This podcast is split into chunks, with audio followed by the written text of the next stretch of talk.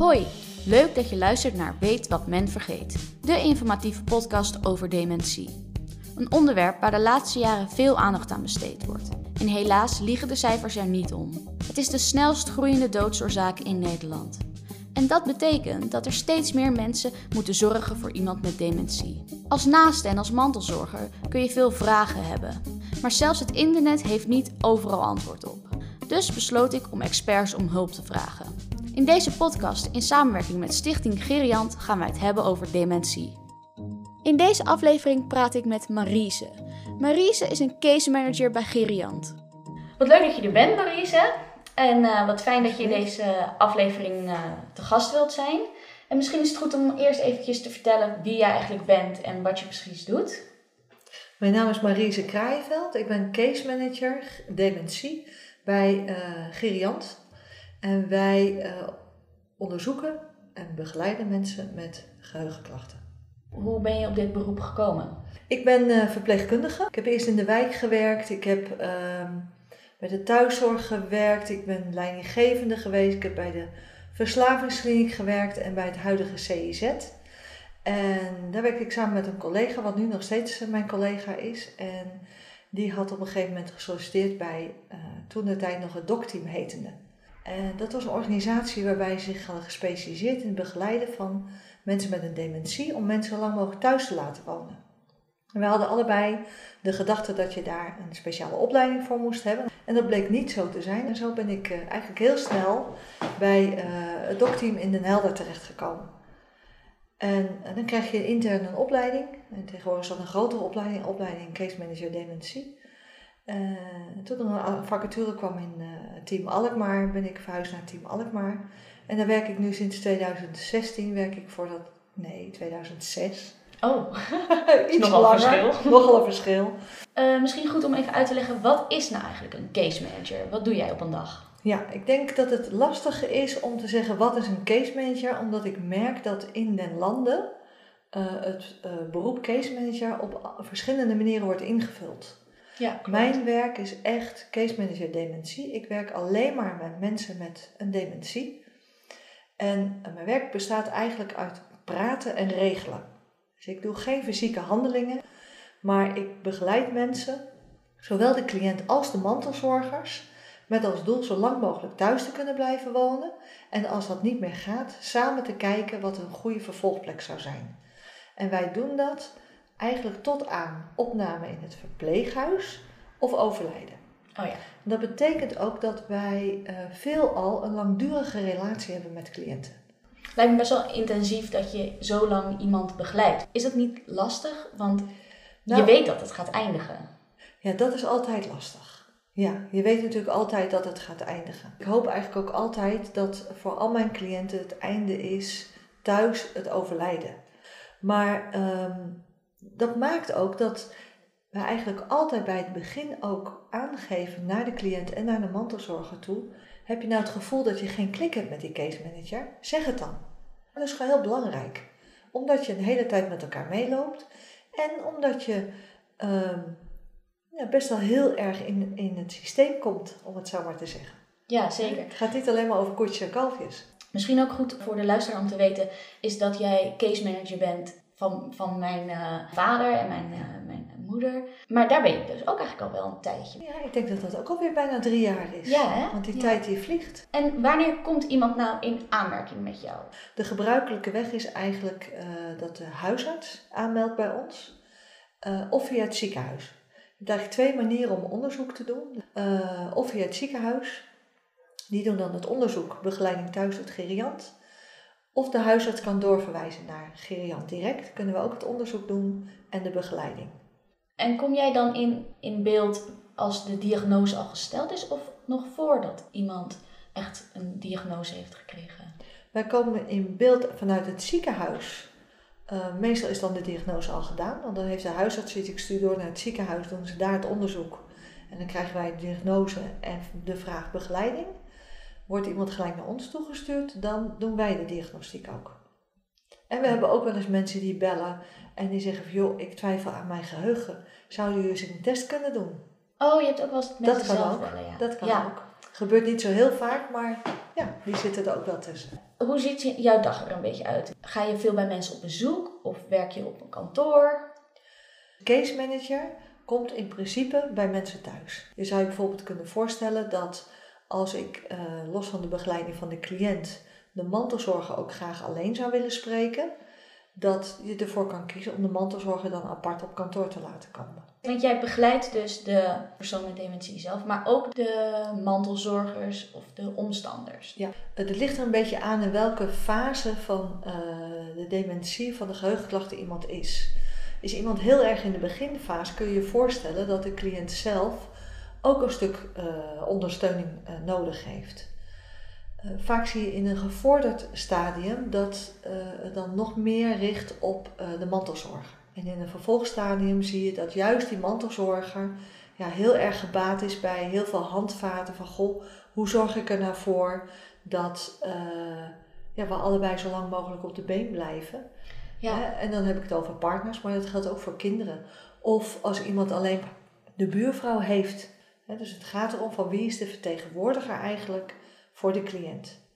Dat is in, in, in, eh, bij wet geregeld sowieso de partner. Is er geen partner, zijn dat de kinderen, als die eh, goed op één lijn staan met elkaar. En waarom zeg ik dat? Op het moment dat de kinderen niet met elkaar eens zijn, dan adviseren we eigenlijk altijd om een onafhankelijk iemand in te schakelen eh, voor de beslissingen rondom zorg. Dat heet een mentor. En je kunt ook een onafhankelijk iemand inschakelen voor beslissingen rondom geld.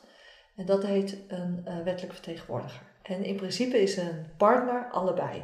Gebeurt het wel eens dat een, een partner ook ervan afziet? Dat hij denkt, ik kan dit helemaal, ik kan al die verantwoordelijkheid niet op mij nemen. En dat ze dan wel een onafhankelijk iemand inschakelen. Niet zo heel erg vaak, maar dat gebeurt denk ik met name als er ook geen kinderen verder zijn. Zeker als je kijkt naar als de man eh, geheugenklachten gaat krijgen. Eh, traditioneel gezien, zeker bij de cliëntengroep waar ik nog eh, steeds mee te maken heb, hè, 80 plus zeg maar. De man die deed de financiën, vrouw heeft het nooit gedaan, Precies, ja. weet niet hoe het allemaal moet. En dan zeggen vaak de zoon, dan ga ik dat wel voor jullie regelen. Ja. En dat is dan prima. Ja, want wat Ja. voor leeftijdscategorie zijn de meeste, ja, hoe, hoe noem jij het, patiënten die jij behandelt? En Of we, we hebben het cliënten? over cliënten. Cliënten, hè? Ja. ja. Ja. Ja, ik denk dat het grootste gedeelte is eh, sowieso eh 65 plus. Ehm, de laatste tijd zie ik weer een hele, heleboel aanmeldingen van 90 plus. Want Oh, daarin zie je ook echt dat we met z'n allen ouder worden. De populatie 90 plus groeit echt. Eh het grootste gedeelte van mijn cliënten zit zeg maar tussen de 80 en de, en de 100. Eh, maar we hadden het er net al over. Je begeleidt eh, ook met name de, de mantelzorgers. Daarin gaat het vooral over dat mensen nog zo lang mogelijk hun dagelijkse dingen kunnen doen en zo lang mogelijk thuis kunnen blijven. Maar hoe kun je er nou eigenlijk als mantelzorger voor zorgen dat je wel nog je dagelijkse dingen kunt doen, ondanks dat je best wel een grote zorg met je meedraagt? Ja. En ik denk dat daar natuurlijk een onderscheid zit in mantelzorgers die nog werken en mantelzorgers die natuurlijk al gepensioneerd zijn of misschien niet meer werken. Of... Ja. Hoe help jij mensen daarbij? Een grote gedeelte zit, zit boven pensioenleeftijd, om het zo maar te zeggen. Maar helaas de groep eh, jongeren eh, is ook groeiende. En dat eh, komt mede doordat de diagnostiek gewoon veel eerder en veel beter is tegenwoordig. Dan heb ik het echt over eh, rond de 50. Die zitten natuurlijk in een hele andere levensfase dan mensen rond de 80. En inderdaad, wat je ook zegt, hè, vaak ook te maken met kinderen, schoolgaande kinderen nog, thuiswonende kinderen. Dus los van dat iemand 24 uur in huis is, is het vaak ook financieel ook Ja. een ander plaatje. Zeker. Dus er zijn heel veel dingen die eh, veranderen. Rollen veranderen, financiën veranderen. Eh, vaak zie je dat partners die nog gezond zijn een dag meer moeten gaan werken. Dus het heeft een enorme impact. En ehm, wat zijn nou eigenlijk soort van de tools of de tips die jij geeft wanneer iemand zegt van goh, ik weet gewoon niet meer wat ik nu moet doen met mijn dag. Wat Ja. geef jij dan voor advies? Wij proberen eigenlijk om te anticiperen op de toekomst. Ja. Dus op het moment dat iemand dat aan gaat geven, heb ik 9 van de 10 keer het al een keer genoemd. Dus 9 van de 10 keer ben je al daarvoor al een keer in gesprek geweest om het te hebben over hoe zou de toekomst eruit kunnen gaan zien. En wat heb je dan eventueel voor mogelijkheden om dan eh, ervoor te zorgen dat, ja, dat, je, op, op, dat je weer ontlast wordt. Dus we proberen altijd proactief te zijn daarin. Dus je gaat eigenlijk in eerste instantie kijken van goh, is er in het reguliere circuit iemand gewoon te motiveren tot nog een vorm van vrijwilligerswerk. Als iemand nog redelijk goed is, want dat vergeten we vaak. Hè? Mensen denken vaak dat iemand niets meer kan en Ja. iemand kan heel veel dingen nog wel en een aantal dingen niet meer. Ja, absoluut. Dus je gaat altijd kijken van wat kan iemand nog goed, waar haalt iemand zelf ook zijn energie uit, dat vindt hij leuk.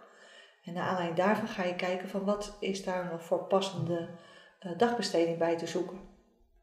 Je kunt ook gaan kijken van is er misschien een vrijwilliger te koppelen aan iemand. Als je daar een beetje op een gegeven moment eh, niet meer voldoende uren uit krijgt, eh, dan heb je de mogelijkheid om van een dagbesteding bijvoorbeeld gebruik te gaan maken. En dan kun je bijvoorbeeld naar een, een dagverzorging, zoals we dat dan noemen. Dat is voor mensen met echt beginnende geheugenklachten. Of een dagbehandeling. Eh, dat is voor mensen met wat meer gevorderde geheugenklachten. Eh, daar heb je ook de mogelijkheid om bijvoorbeeld naar een zorgboerderij te gaan. Het leuke van een zorgboerderij vind ik, dat is A natuurlijk voor buitenmensen. En dat is niet alleen maar voor mensen met een dementie. Er zitten vaak ook mensen met eh, psychiatrische achtergrond of verstandelijk gehandicapte achtergrond. Ja, eigenlijk is het dan aan mij om met de cliënt en met de mantelzorg te gaan kijken, wat zou nou het meest passend zijn? Wat vindt de cliënt nou het leukst? Dat is natuurlijk altijd je uitgangspunt. Ik, leg het, probeer, ik probeer het altijd uit te leggen naar de cliënt als zijn de fysiotherapie voor het geheugen. Dat zie je natuurlijk bij mensen met reuma. Die moeten fysiotherapie hebben om te zorgen dat ja, hun kwaliteit van leven niet verder achteruit gaat. En zo is het ook met mensen met een dementie. Het is fysiotherapie voor het geheugen met als doel de geheugenklachten zo langzaam mogelijk achteruit te laten gaan. Ja, Want helaas, verbetering, die hoop moeten we laten varen. Maar we kunnen er wel naar kijken om ervoor te zorgen dat iemand zo langzaam mogelijk achteruit gaat. En dat iemand zoveel mogelijk gestimuleerd blijft worden om alle velden van het brein te blijven gebruiken. Ik was toevallig gisteren had ik een gesprek met iemand die zei: Ja, zeg meneer, maar ik puzzel elke dag en ik heb een moestuin. Ja, Dus ja, ik, ik eh, word voldoende gestimuleerd. Ja, maar hoe vaak heeft u een praatje met iemand die u nog niet zo goed kent? Dat is ook van belang. ja je haalt Ja. mensen toch een beetje uit hun vertrouwde bubbel. En dat is denk ik wat mensen vaak heel eng vinden. Ja. Ehm, maar als ik dan bijvoorbeeld kijk naar, naar eh, de situatie bij mijn vader, die heeft dan eerst ehm, vrijwilligerswerk gedaan bij een kringloopwinkel. Nou, dat Ja. vond hij fantastisch. Ja. En dat sloot inderdaad ook heel goed aan, want het was iemand die gewoon van aanpakken houdt, een beetje klussen, een beetje Ja, rommelen. Niet alleen in dat, Ja, de sterke man. de sterke man die sjouwde alles wel op en neer. Precies. Ja, En ehm, nu zit hij dan op zo'n zorgboerderij. Dat vindt hij gewoon echt heel erg leuk. Ehm, maar hij is naar de zorgboerderij gegaan omdat het waarschijnlijk in de kringloopwinkel niet meer lukte. nee, klopt. Dat is natuurlijk wel iets wat wel heel erg sneu is, want hij, vaak hebben mensen het op een plek dan naar hun zin. Ja, En daar moet dan, dan toch weer afscheid van worden genomen. En Ja. ja, dat zijn altijd lastige dingen. Maar het hele, hele eh, eh, proces van de dementie is één groot rouwproces. Continu afscheid nemen van dingen die je kon. Hè, want je vader kon natuurlijk daarvoor nog veel, veel andere dingen. ja, absoluut. Ehm, ja, en dan nu ja, eh, is hij van die vrijwilligerswerk in de kringloop naar de zorgboerderij gegaan. Er zijn zoveel mogelijkheden Precies. voor mensen om Ja. eh, het zowel voor de persoon zelf het, het gemakkelijker te maken en het leuk te maken. Maar ook voor het thuisfront. te proberen die dagbesteding, wat voor vorm het ook is, zo leuk mogelijk te maken. Kijk, en als mensen nog, soms zeg ik ook wel "Oh, mensen komen ook nog weer eens thuis met wat te vertellen. Ja, inderdaad. Je hebt weer even iets nieuws om te bespreken in plaats van maar tijdens het avondeten maar een beetje... Ja, Niks weer te zeggen. nieuwe energie. Ja, precies. En iemand voelt zich ook weer nuttig. Klopt. Wat dacht je daarvan? Dat is het echt. Ja. En dan, eh, dat hebben we toch ook allemaal als mens nodig? ja, Het is toch inderdaad. fijn als je iets voor een ander kan betekenen? Hij helpt daar echt mee. En dat, dat doet hem ook gewoon goed. Ja, zeker. Voor mijn vader is het heel fijn, maar bijvoorbeeld voor mijn moeder is het ook heel fijn. Precies. Toevallig gisteren ook nog weer bij een, eh, bij een echtpaar. Ja, zei die mevrouw, maar als hij niet wil, dan hoeft hij niet. Ja, maar ik zeg, we gaan doen het niet alleen voor hem. Nee, Hè, We inderdaad. doen het ook, ja, maar ik red het nog wel. Ja, maar ik zeg, hoe fijn zou het zijn als je even de zorg volledig kan overlaten aan een ander. En dat is uiteindelijk dat mensen dan toch zoiets hebben van, ja, inderdaad, dan valt een beetje het kwartje. Want voor de mantelzorger, die doet alles automatisch. Als ik tegen een gemiddelde mantelzorger zeg van, ja, maar je denkt voor twee. En als iemand naar een dagbesteding gaat, kun je dat even voor die paar uur even helemaal loslaten. Ja, En dat, is, en dat, dat geeft lucht. En het lastige is, en dat hoor ik natuurlijk ook heel vaak, dan komt iemand thuis en die zegt: Ik vond er geen klappen, ik ga er nooit meer naartoe. Ja. Of ja. ik ga er niet naartoe. En dan is het heel belangrijk, zeker bij eh, mensen met een dementie, is voor de mantelzorg heel belangrijk om diegene niet direct op zijn woord te geloven. Want Ja. ik heb ze er echt tussen, die ze hebben de grootste lol op de dagbesteding. En die stappen uit de bus en die zien een vrouw of een man en dan is het, "Buh, ik ga er nooit meer naartoe. Morgen blijf ik lekker thuis. En dan is het voor de mantelzorger dus heel moeilijk om dan toch de volgende dag weer te zeggen, je gaat wel. En dan hoop ik altijd dat het een geruststelling is te weten dat het daar echt wel goed gaat. Het is niet, niet zo dat je zegt van, goh, iemand gaat naar de dagbesteding en het loopt allemaal op rolletjes. Nee, absoluut Zo werkt het niet altijd. En daar liggen uitdagingen natuurlijk ook voor mij. Hè, om daar ook de mantelzorger ook in te begeleiden en uit te leggen hoe de dementie werkt. Wat daar de reden van is dat iemand zo reageert. En hoe je daar op een andere manier mee om kan gaan. En nou, daar ben ik de hele dag mee bezig. Ja. Het is maatwerk. En we hadden het er net al even over van als mantelzorger heb je best wel veel dingen die je moet regelen. Maar ik denk dat heel veel mensen soort van door de stapel niet het overzicht kunnen zien van wat moet ik nou eigenlijk regelen en wat kan iemand anders misschien voor mij regelen. Ehm, ja, waar begin je eigenlijk? Het is een hele grote vraag. Ja, dat is een heel klein vraagje inderdaad. Ja, wat moet je allemaal regelen? Dat, heel, dat ligt er heel erg aan van waar je op dat moment tegenaan loopt. Ja, misschien is het goed om hem eh, misschien eventjes Ja. te kaderen. Er is natuurlijk een deel eh, wat we net al besproken, de financiën. Maar hoe, wat moet je daar eigenlijk voor regelen? Ik- Voor financiën wijs ik mensen eigenlijk altijd door naar het mantelzorgcentrum. Eh, dan heb je te maken met een mantelzorgmakelaar, zoals ze dat dan noemen. En die helpen de mantelzorger met name ook met allerlei financiële vraagstukken. Die kennen daar goed de weg in. Ook bijvoorbeeld als mensen een persoonsgebonden budget, hè, PGB, willen aanvragen omdat ze zelf bijvoorbeeld eh, ontslag willen nemen en zelf de zorg willen gaan doen. Nou, dan kun je zelf eventueel betalen uit zo'n persoonsgebonden budget. Dat zijn dingen waar de mantelzorgmakelaar je allemaal in kan begeleiden. Die hebben daar dagelijks mee te maken. De cliënt staat in het midden. Die case manager die staat daar omheen. En daar aan de buitenkant staan allemaal organisaties die met die cliënt te maken kunnen gaan hebben. En wij zijn eigenlijk de spil tussen die cliënt en die mantelzorger en iedereen daar omheen.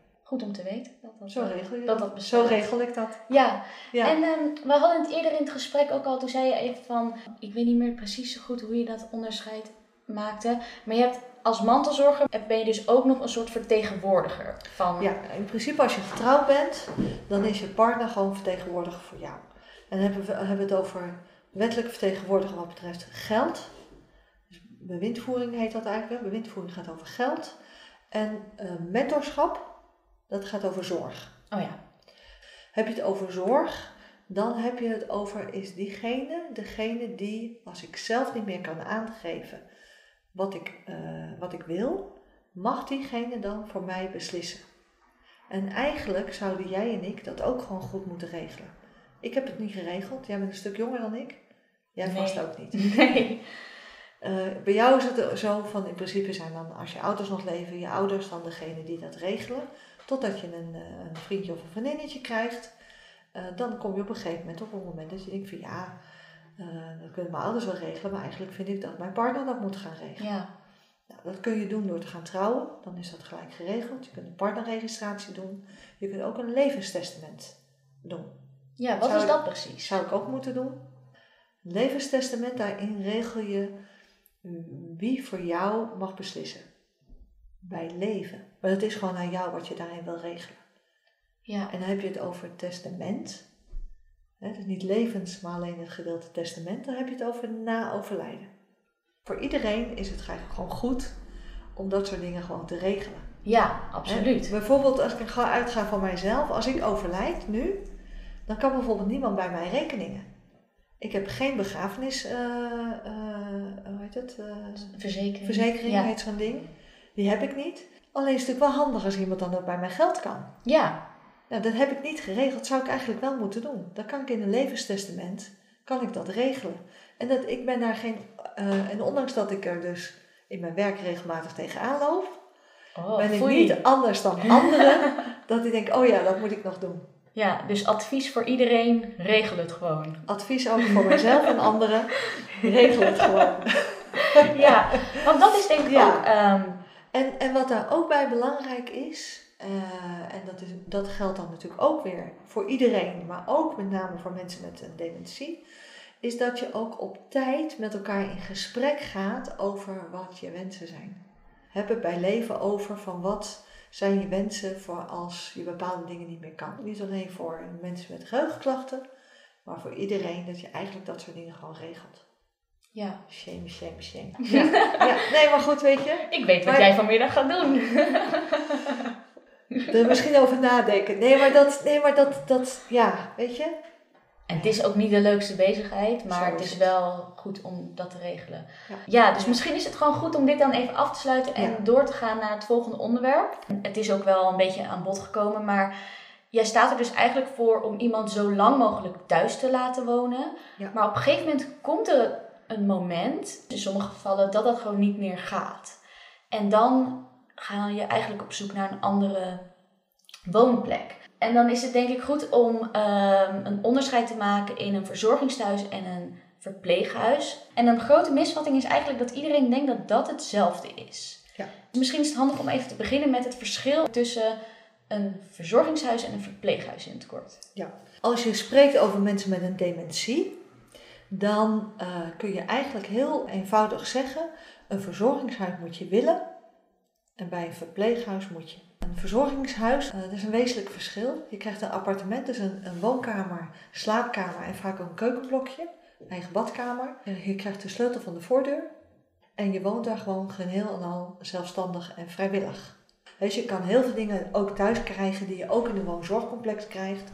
Alleen in een woonzorgcomplex zit het allemaal in één gebouw. Is het allemaal iets gemakkelijker? Allemaal iets gemakkelijker, precies. Maar dan moet je vrijwillig naartoe willen. Ja. Want ik heb vaak ouderen, echtparen, die zeggen van goh, we willen anders samen naar een woonzorgcomplex. Of iemand die zelf zegt van nou, ik merk dat mijn geheugen achteruit gaat. Ik vind het eigenlijk fijner om in een woonzorgcomplex te gaan wonen. Ja. Nou, wonen in een woonzorgcomplex heb je een indicatie voor nodig. Uh, diagnose dementie helpt vaak wel om uh, wat makkelijker die drempel over te komen. Eenmaal in een woonzorgcomplex wonende, verzorgingshuis wonende, denken mensen ook vaak dat dat het laatste station is. Dat geldt niet voor mensen met een dementie. Want het kan zijn dat jouw dementie maakt dat jij op een gegeven ogenblik meer behoefte krijgt aan structuur en begeleiding. En dat maakt dat je dan met elkaar erop uit kan komen dat iemand toch nog gaat verhuizen naar het verpleeghuis. En dat moet je willen. Ja. En 9 van de 10 mensen met een dementie willen dat niet. Nee. En dat is ook logisch. Dus daarom zeg ik, een verzorgingshuis moet je willen en naar een verpleeghuis moet je. Naar een verpleeghuis ga je verhuizen op het moment dat thuis of in het verzorgingshuis echt geen goede plek meer is voor jou. Waar jouw veiligheid in het geding komt, dan wel de veiligheid van een ander. En dan kun je natuurlijk heel makkelijk het hebben over bijvoorbeeld brandgevaar. Ja, precies. Maar veiligheid is ook, uh, er kan sprake zijn van agressie naar de mantelzorger toe. Ja. Dan kan het ook niet meer veilig zijn voor de mantelzorger. Ja. dus, dus veiligheid is een veel breder uh, begrip. En overbelasting van de mantelzorger. Dus de mantelzorger zegt van ja, ik kan het nu echt niet meer aan. Maar voor de cliënt kan het ook zo zijn dat het op een gegeven moment fijner is om in een beschermde woonomgeving te zijn. Ja. dus dat is het verschil. En dan ja, dan zeg je van ja, dan zal iemand toch moeten verhuizen naar het verpleeghuis. Ja, en dan, en dan is er denk ik. Oh ja, inderdaad, er zit nog een bed aan, daar komen we zo. En dan is er volgens mij ook nog een verschil. In een verzorgingshuis heb je eigenlijk is een soort huisje in een huis. Dat heb je gewoon je eigen. een appartementencomplex. Gewoon een appartement, ja. ja. Um, en in een verpleeghuis heb je vaak eigenlijk een kamer waar je, die van jou is, maar zijn de woonkamer, keuken en zo zijn allemaal een beetje gezamenlijke ruimte, toch? Ja, verpleeghuis kamer ziet er vaak een beetje uit als een ziekenhuiskamer. Klopt, ja. Met een hoog laagbed, een beetje steriel. En ehm, je kan het wel inrichten als een wat gezelligere kamer. Klopt, ja. Alleen de grote misvatting is, mantelzorgers die kijken heel erg naar, is die kamer wel gezellig voor mijn uh, partner? Ja. Voor die partner is dat vaak veel minder belangrijk. Want die partner die heeft vaak veel meer aan om onder de mensen te zijn. Dus die, die kamer in het verpleeghuis is een kamer waar je met name slaapt. Ja, precies. En waar je als mantelzorger je met je partner kan terugtrekken. Dus voor jou als mantelzorger is het vaak veel belangrijker dat die kamer gezellig is dan dat het voor de cliënt is. Voor de cliënt is het vaak alleen maar een rustpunt. Ja. Een punt waar hij zich kan terugtrekken. En dan is het ook wel fijn als het een beetje En rustig en steriel is. Precies. En je zei het net al, ehm, bij een verpleeghuis daar zit een wet aan vastgebonden. Klopt. En dat is denk ik iets wat veel mensen niet weten. Ja. Maar dat is de wet zorg en dwang.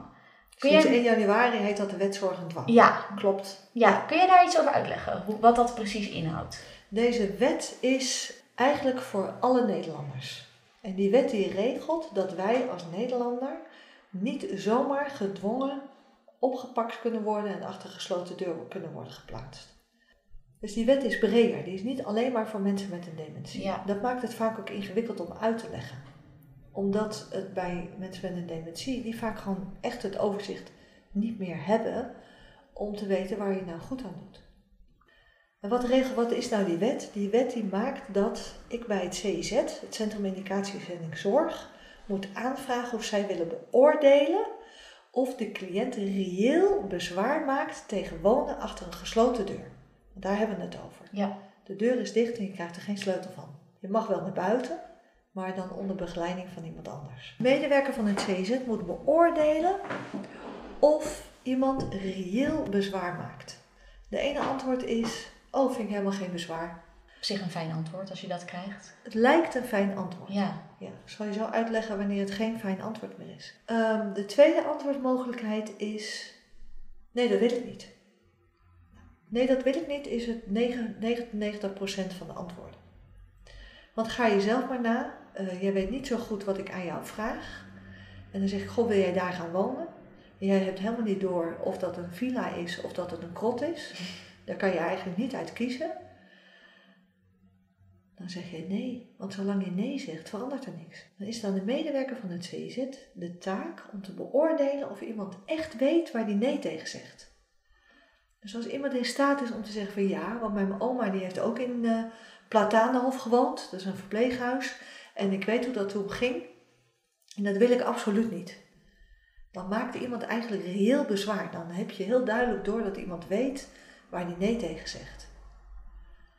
Heeft iemand helemaal niet het idee, naar jouw idee, waar hij nee tegen zegt, omdat hij een heel ander antwoord geeft of omdat hij heel snel afgeleid is of ooit ergens heel anders over gaat beginnen, dan is het geen bereidheid, geen bezwaar. Artikel 21 noemen we dat tegenwoordig. Dat is 98% of 99% van de mensen, daar is het een geen bereidheid, geen bezwaar. Dus iemand maakt wel bezwaar, maar je merkt uit het verhaal dat iemand absoluut geen inzicht heeft waar die nee of ja tegen zegt. Diegene die ja zei, is ook ingewikkeld. Want als hij daar gaat wonen en diegene denkt om zes uur van jongens, is allemaal leuk hier, maar ik vind thuis eigenlijk leuker, ik Ja. ga naar huis. Dan heb je geen rechtsbescherming om iemand tegen te houden. Dus dan moet je iemand in principe gewoon laten gaan. Oh, Nou, dan ga je het gesprek met iemand aan. En als iemand dan niet te overtuigen is dat hij daar toch moet blijven wonen, dan zul je uiteindelijk een herbeoordeling moeten aanvragen. Want er moet er beoordeeld worden of iemand dan toch tegen zijn zin in daar wel moet blijven wonen. Eh, dat is dan wel te regelen. Hè? Maar Ja. het lag meest in, indrukwekkend is de mensen waarbij ehm, uitkomt dat die echt reëel bezwaar maken. En dan krijg je een heel naar vervolgtraject. Want op het moment dat de medewerker van het CZ het- dat bemerkt, is zij nu wettelijk verplicht direct de vervolgprocedure in werking te zetten. En dat is dat de rechter moet gaan beoordelen of iemand tegen zijn zin in moet gaan wonen achter die gesloten deur. En dan krijg ik als reactie natuurlijk van de mantelzorgers altijd: wat is dat nou voor onzin? We weten toch allemaal wel dat diegene niet meer in staat is om daar goed ja en nee tegen. En moet hij hier dan maar blijven wonen? Maar het is wel de procedure. Ja, maar mijn moeder kan dat helemaal niet meer overzien. Nee, maar blijkbaar is ze op dat moment wel in staat geweest Ja. om een reëel bezwaar te maken. En daar gaat het om. en het is wel belangrijk dat je, dat je dan in dat geval die moeder toch nog heel serieus neemt. Zou je zelf toch ook gaan Ja, want dat, je, je mag dan wel eh, een dementie hebben, maar je hebt nog altijd een eigen mening en een wil en je bent nog steeds. Precies. Het dat zou is ook- onze rechtsbescherming. Ja, en het En zou heel mensonterend zijn om iemand Heel zomaar Precies. ergens. Het eh, is naar, omdat je die procedure in moet Ja. gaan. Maar het is ook onze rechtsbescherming. Ja, En uh, de procedure is dan, dan uh, wordt er uh, opnieuw beoordeeld bij ons door de arts. Wij moeten een rapport maken, dat wordt weer beoordeeld door een onafhankelijk arts. En als die arts ook zegt, het is echt noodzakelijk dat we de rechter gaan vragen om iemand in zijn vrijheid te gaan beperken, dan gaat het rapport naar de rechtbank. Komt er een rechter thuis, dan komt de griffier komt thuis en iemand krijgt een advocaat. Pro deo, oh nee, die hoef je ook niet te betalen. Um, die krijg je door de rechtbank toegewezen en die advocaat die gaat uh, voor de zitting contact met de cliënt opnemen. En als de cliënt heel duidelijk aan de advocaat kan aangeven: ik wil dit niet, zal de advocaat ook deze mededeling aan de rechter doen. En het is aan de rechter om te bepalen of de opname dan doorgaat of niet. En die besluit uiteindelijk: moet iemand wel tegen zichzelf beschermd worden en de omgeving tegen, tegen diegene beschermd worden of niet. Daar gaat het over. Ja. Hele grote impact. Hele grote impact. Ja, lijkt me ook heel erg, ja. ja. Uh, we proberen ook altijd de vaste case manager en de vaste arts ook bij de zitting aanwezig te laten zijn. Oh ja, dat is wel goed. Ja, ja zodat we het hele proces ook daarna ook kunnen begeleiden. Want als de rechter zegt, ja, u moet, dan moet iemand natuurlijk ook. En wij proberen eigenlijk om dat zo snel mogelijk te doen. Ja. Het liefst dezelfde dag, het liefst gelijk na de zitting. Ja. Want dan is de impact ook zo groot dat iemand ook het meest beduust is uh, om mee te gaan. Ja, en dan is het denk ik misschien ook duidelijk. De rechter gaat weg. En moet je je voorstellen, ik heb geheugenklachten, hè? Mijn korte termijn geheugen is heel slecht. Ja. Dus het kan best zijn dat over een uur, als jij tegen mij zegt van, goh, maar hier was toch net een rechter. En die heeft toch besloten, de rechter? Ja. Dan weet ik helemaal niks van. Was hier een rechter? Ja. En dan neemt iemand je niet in het ootje, hè? Nee, dat is echt zo, ja. Iemand weet echt niet meer dat hier een rechter is geweest. Dus Ja, laat staan zo dat je daar een week overheen laat gaan. Ja, dan weet iemand het al helemaal niet meer. Dus eigenlijk wil je dat dan het liefst zo snel mogelijk regelen. Ja, Voor iedereen. ja absoluut. Voor iedereen. Ja, Hele nare, hele nare gang. En helaas, door de nieuwe wet, denk ik dat we daar nu ook wat vaker mee te maken krijgen dan dat we nog in de oude situatie hadden. Omdat eh, nu na de oordeling van het CZ, het CZ eigenlijk verplicht is om direct die procedure in werking te zetten. Het is een goede wet. Alleen voor mensen met een dementie is het een hele, hele zware dobber. ja absoluut. Ja. Ehm, Oké, en dan op een gegeven moment ehm, zitten we dan op het moment dat, eh, dat de cliënt dan toch in een verpleegingstehuis woont. Ik ben er wel achter gekomen dat er best wel veel ehm, mensen zijn die denken van ja, een verpleeghuis is niet goed. Want de zorg zal nooit zo goed zijn als thuis. En als iemand daar zit, dan pas gaat diegene super snel achteruit en dan krijg je de grote verandering te zien. Wat zijn nou eigenlijk de voordelen en de nadelen van het verhuizen naar een verpleeghuis? Kijk, wat jij zegt over niemand doet het zo goed als ik, dat klopt natuurlijk. Ik kan me voorstellen dat mensen dat gevoel hebben. Ik heb een, ehm, ik heb een cliënt en die mevrouw die heeft helemaal niet meer het idee dat het huis waar ze woont, dat dat haar huis is. Nou, dat is nog tot daar aan toe. Maar haar man is ook haar man niet meer. Want hoe vaak zij niet tegen haar man zegt van, goh, kun jij me zeggen waar Jan is? Oh ja, pijnlijk. Vreselijk. Ja, Vreselijk. Je zou je heel goed kunnen voorstellen dat op een gegeven ogenblik eh, deze mevrouw misschien ook zelfs wel angstig wordt van het feit dat er iedere keer een vreemde man eh, in haar huis loopt. ja. Die ze En dat ze kent. op een plek is waarvan ze denkt, En op een plek waarom waarvan moet ik hier denkt, waarom slapen? slaap ik hier? Kun je je voorstellen dat je op zo'n moment niet meer degene bent die de meest geweldige zorg kan leveren aan je eigen vrouw? Ja, En dat dat dus voor allebei een hele, ja, een hele nare reden is om er toch voor te kiezen om naar het verpleeghuis te gaan verhuizen. ja, dus er zijn zeker uitzonderingen. En dit zijn uitzonderingen, hè? ja, laten we gelukkig wel zijn. Maar ze zijn daar wel. ja, Kijk, als iemand heel erg agressief wordt en iedere keer eh, wil gaan slaan eh, en de hele boel bij elkaar scheldt en dat de mantelzorg dat absoluut niet meer aan kan, dan kan je op een kan gegeven moment ook geen zorg kan meer je ook niet meer goed de zorg thuis leveren. En natuurlijk is de zorg in een verpleeghuis niet eigen. eh, maar je moet er echt van uitgaan dat de meiden die daar werken, en jongens, er zijn natuurlijk ook wel altijd een paar jongens, Ja, ja, ja. helaas toch altijd veel te weinig, dat ehm, zij echt een stinkende, stinkende best doen binnen de beperkte maatregelen. We weten allemaal veel te weinig geld. Om het de cliënt zo goed mogelijk te laten maken. Absoluut. Ik hoor mensen ook vaak zeggen van ja, maar als iemand naar het verpleeghuis gaat, gaat iemand heel erg achteruit. Ja, Dat vind ik ook altijd een lastige. Ik hoor ook vaak dat eh, als wij de diagnose dementie hebben gesteld en we hebben de uitslag besproken, dan zeggen mantelzorgers vaak ook in het, in, de, in, de, in het traject daarna, in de maanden daarna, nou sinds we de diagnose weten lijkt diegene wel veel meer achteruit te gaan. Nee, dat hoeft niet altijd zo te zijn. Je kunt je voorstellen dat als ik vergeetachtig word, dat ik in eerste instantie denk van, oh weet je, het is mijn leeftijd, oh het is de overgang, mag ik ook nog zeggen.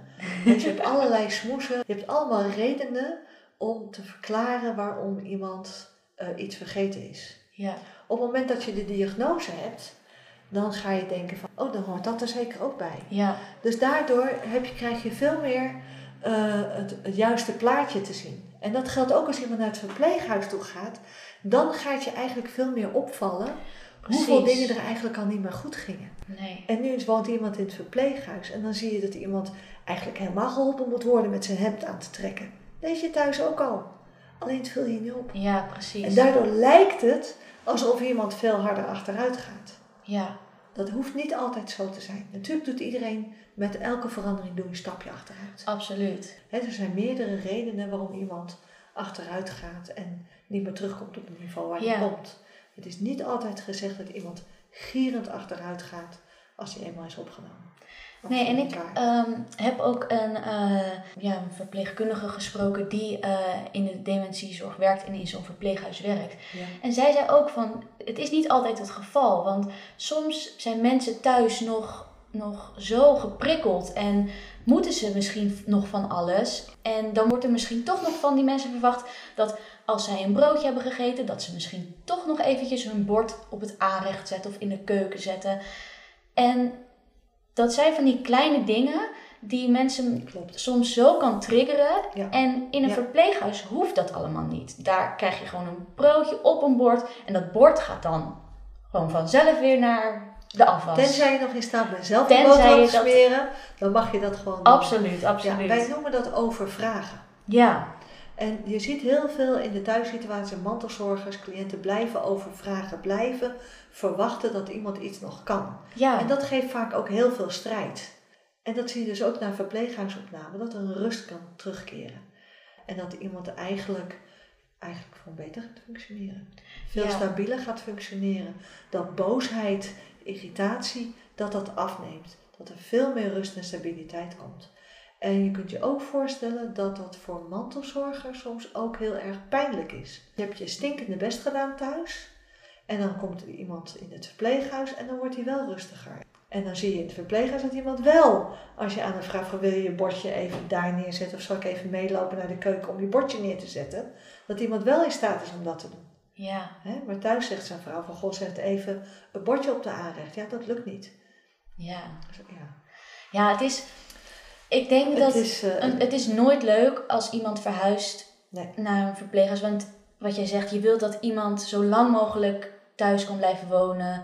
Maar soms is het een oplossing en soms kan die oplossing ook goed uitpakken. En dat neemt niet weg dat de, de mantelzorger da- daarvoor niet goed heeft gedaan. Absoluut Want een niet. mantelzorger doet het naar mijn mening altijd goed, omdat diegene toch vaak wel hetgene doet waarvan diegene denkt dat het het beste is.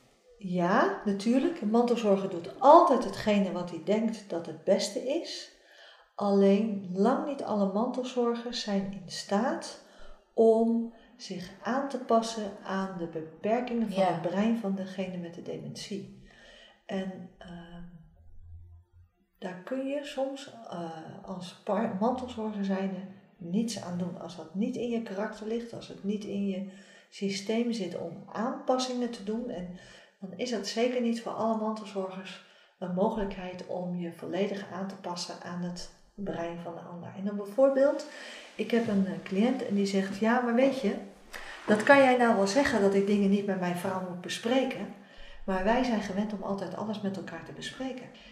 En dan probeer ik aan diegene uit te leggen, ja, maar hetgeen wat u met uw vrouw wilt bespreken, of met uw man wilt bespreken, daar is uw man, het brein van uw man niet meer toe in staat om daar een beslissing over te nemen. En u ziet dat diegene daar eigenlijk heel erg onrustig van wordt. Doen we er dan misschien niet beter aan om bepaalde dingen niet meer te bespreken?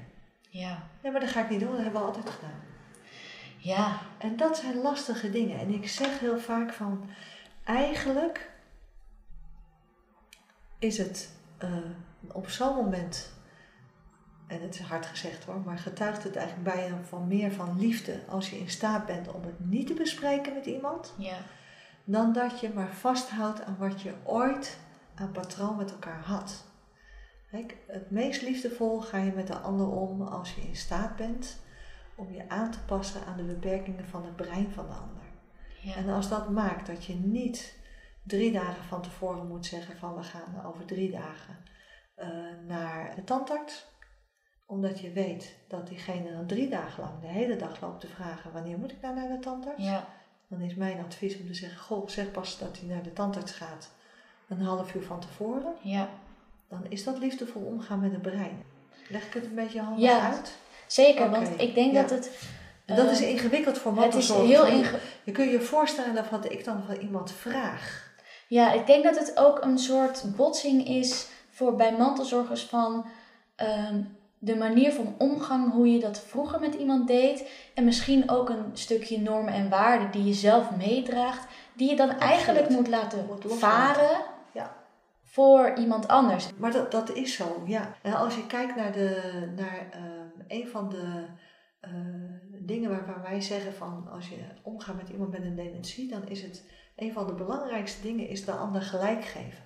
Ja, Nou, je kunt je voorstellen dat als ik dat tegen een mantelzorger zeg, wat voor reacties ik daarop krijg. ik heb daar Ga zoveel moeite mee maar gehad. na. Ja, ja, ik weet nog. Ik heb inderdaad Je ook moet dat ander gelijk geven. die kun, je tip gekregen. kun je een voorbeeld geven waarin dat heel lastig is? Ehm, oh, nou, bijvoorbeeld ehm, een tijd geleden ehm, had, had ik het, het idee 10 kilometer hard te lopen. En ik besprak dat thuis en eh, mijn vader die zat daarbij en die zegt, wat leuk. Ik heb gisteren 20 kilometer hard gelopen. Hij, ik zeg, eh, had je een goede tijd? Ja, 15 minuten. Waarbij mijn moeder en ik elkaar natuurlijk aankijken van... Ja, in je dromen. Maar op dat soort momenten kun je dus... Tenminste, is mij dus, keuzes. is mij dus geleerd van wat ga je doen? Je kan zeggen, nou dat kan helemaal niet, doe normaal. Maar je kan ook zeggen, goh, wat goed zeg. Zo, jij bent snel. Nou, Ja, ik moet nog even zeg, trainen. ik ga die ander een beetje gelijk geven. Ja, nou, Zegt dan de mantelzorger tegen mij. ja. Want dat klopt toch helemaal niet? En dat kan toch helemaal niet? Nee, dat klopt niet en dat kan niet. Maar het is voor de ander. Het heeft het helemaal geen zin om iemand tegen te spreken. Nee. iemand is daar blij mee. En je weet zelf, jij weet, hè? Robin, jij Ja. weet wel dat dat niet. Nee, dat dat en dan kan je, ik kan het ook wel tegen mijn vader dan gaan zeggen van... Nou joh, dat kan helemaal niet. En joh, niemand rent 20 kilometer in 15 minuten. En niemand die... eh, En jij kan dat wel helemaal niet. En, eh, maar dan denk ik, ja, ik kan ook zeggen, wat goed van je. Geef Kan. hem gelijk. Maar het is wel lastig. Het, en, het is, is, hartstikke lastig. en dit is dan misschien nog een soort eh, luchtig, luchtig Heel voorbeeld. overzichtelijk. Maar het is, er zijn natuurlijk wel situaties waarin jij denkt, ja, dacht het niet dat ik Ik nu... dacht niet dat ik daar nu. Ja. Al lukt het maar één keer. ja, Want het is niet mogelijk om te alle tijden, in elke situatie, op de juiste manier te reageren. nee. En de winst zit hem in dat jij mij nu vertelt van goh, mijn vader vertelde dat. Ik merkte dat het niet klopte en ik was in staat om er op dat moment bewust voor te kiezen dat ik er niet op in moest gaan. En het Maar- is niet gezegd dat je de volgende keer wel Precies, precies. Maar het is één keer winst geweest. Ja. En het feit dat je het hebt herkend op dat moment. En ik heb natuurlijk ook mensen die zeggen achteraf. Ach, dat had ik niet moeten doen. Ik zeg, het feit dat u dit zegt, is al een leermoment. Want dat maakt dat je een volgende keer misschien net halverwege de discussie zegt, denkt bij jezelf van, oh ja, dit heeft geen zin. ja, Ingewikkeld hè. heel ingewikkeld. En dan, ben je, en, dan nog... ben je, en dan ben je 50 als mantelzorger zijnde. Nou, dan kan je dat misschien nog wel een beetje handelen. Maar moet je je voorstellen, je bent 90. En je Ja, bent 70 jaar getrouwd. En je bent 70 jaar lang ben je op een bepaalde manier met elkaar omgegaan? En dan vraag ik, omdat jouw partner dementie krijgt, om dingen te veranderen. Het is een helse klus. Ja, Ja. Zo, gewoon, het, het verbaast mij gewoon iedere keer weer wat een bizarre eh, soort van ziekte het is. En hoe een hoofd zo in de war kan zijn dat de, de, daar, is nog, daar kan ik geen touw aan vastknopen. En, en ik denk dat het aller, allerbelangrijkste is dat mensen heel goed realiseren dat er zijn meerdere ziektebeelden waar je natuurlijk de communicatie op een gegeven moment verliest met iemand. Dat dat de grootste impact heeft voor de mantelzorg, voor de omgeving. Dat je iemand gewoon langzaam maar zeker aan het kwijtraken bent. Ja. Dat je niet meer kan overleggen met elkaar. Dat je van partner in mantelzorgen gaat. Dat de relatie die je altijd had eh, op het gebied van intelligentie, maar ook van intimiteit. Van alles eigenlijk. Dingen met elkaar beslissen, niet meer samen kunnen beslissen. Dat dat een één heel lang groot rouwproces is. En Ja. het is continu schakelen. Continu schakelen. Want zo denk je, oh zo moet ik het doen. En morgen is het anders. en morgen moet je toch anders Misschien mag je er een week van genieten. Dat het goed gaat op die manier. Ja, En dan gaat er weer iets kapot in het brein. En dan moet je het weer op een andere manier doen. ja, het is echt eh petje af voor al die mensen die dat dan eh, de hele tijd maar zo flexibel moeten zijn. Dus eh, Mantelzorger zijn is echt 24-7, zeven dagen in de week. En dat is ook iets wat kinderen ook vaak niet ehm, doorhebben. Hoe vaak ook niet van, van eh, eh, mantelzorgers hoor dat ze zeggen van ja, ja, mijn dochter of mijn zoon denkt dat het allemaal wel goed gaat. Ja, als die een uur op eh, bezoek komen, precies. dan is iemand de adrenaline in staat om zich het beste beentje voor te Ja. zetten. Maar ehm, die krijgen nooit het beeld hoe het echt 24-7 is. Dan komen ze mensen tegen, bekende kennen ze tegen op straat. Oh, het gaat goed hè met Jan. Nee, je moest eens weten hoe Jan thuis is. Hè? Maar het is voor een denk- mantelzorger zo moeilijk om dat te horen. De, en de mantelzorger denkt, ja, en ik dan, weet je. Precies, en ik denk ook Ja. zeker, een beetje mensen die hier bijvoorbeeld naar luisteren en die zijn misschien eh, niet zelf mantelzorger, maar luisteren omdat ze wel geïnteresseerd zijn of omdat ze iemand kennen die mantelzorger zijn. Ja. Ik denk dat het voor die mensen heel belangrijk is om ook af en toe even, echt even te vragen aan die mantelzorger van, joh, gaat het goed? En kan ik misschien iets voor jou doen? En eh, wij zien eh, Jan natuurlijk maar zoveel keer eh, per week of misschien eens in de maand. Ja. Maar hoe gaat het eigenlijk overdag? Maar misschien ook hoe gaat het s'nachts? Want wat je zegt 24-7, daar zijn ook een hoop uren de nacht van. En Dus hoe gaat denk- het nou met jou? Precies, precies. Ook want heel dat is heel belangrijk. belangrijk. Ja, ja. en wat Ja. jij zegt, vind ik ook heel belangrijk, is dat jij zegt van, goh, eh, kunnen we iets voor je doen? Ja, Want ehm, mantelzorgers die hebben zoveel behoefte aan mensen die zelf iets aanbieden. Want het zijn namelijk geen van alle vragers. Je wil het allemaal zelf oplossen. Je wil andere mensen niet mee belasten. En dan is het zo fijn als mensen toch eh, ja, iets concreets aanbieden. Zal ik met Jan een uurtje gaan wandelen? ja, Zou jou dat helpen? Hè, dus mensen met concrete dingen komen of concreet vragen aan de mantelzorger. Waarin kan ik jou helpen? Wat zou jou ontlasten? Ja. En dat hoeven geen grote dingen te zijn. Het kunnen vaak hele kleine dingen zijn. Nou, ik denk dat we het een beetje moeten afronden. Want er zijn... anders zitten we over uur nog. Ja, weet je, we Ja. kunnen nog een maand doorpraten, Ja. want er zijn nog zoveel Ja. gespreksonderwerpen. Maar ehm, nou, ik denk dus dat, dat de luisteraar wel een aantal opdrachten heeft. Regel je toekomst. Regel je toe? Oh ja, oh goed. Ja, dit was nog even Oh, een herinnering Robin. voor jou. Robin. Eh, en dus inderdaad, vraag ook eventjes aan iemand of het ook echt goed gaat en of je wat kan doen. Het zit soms in hele kleine dingen.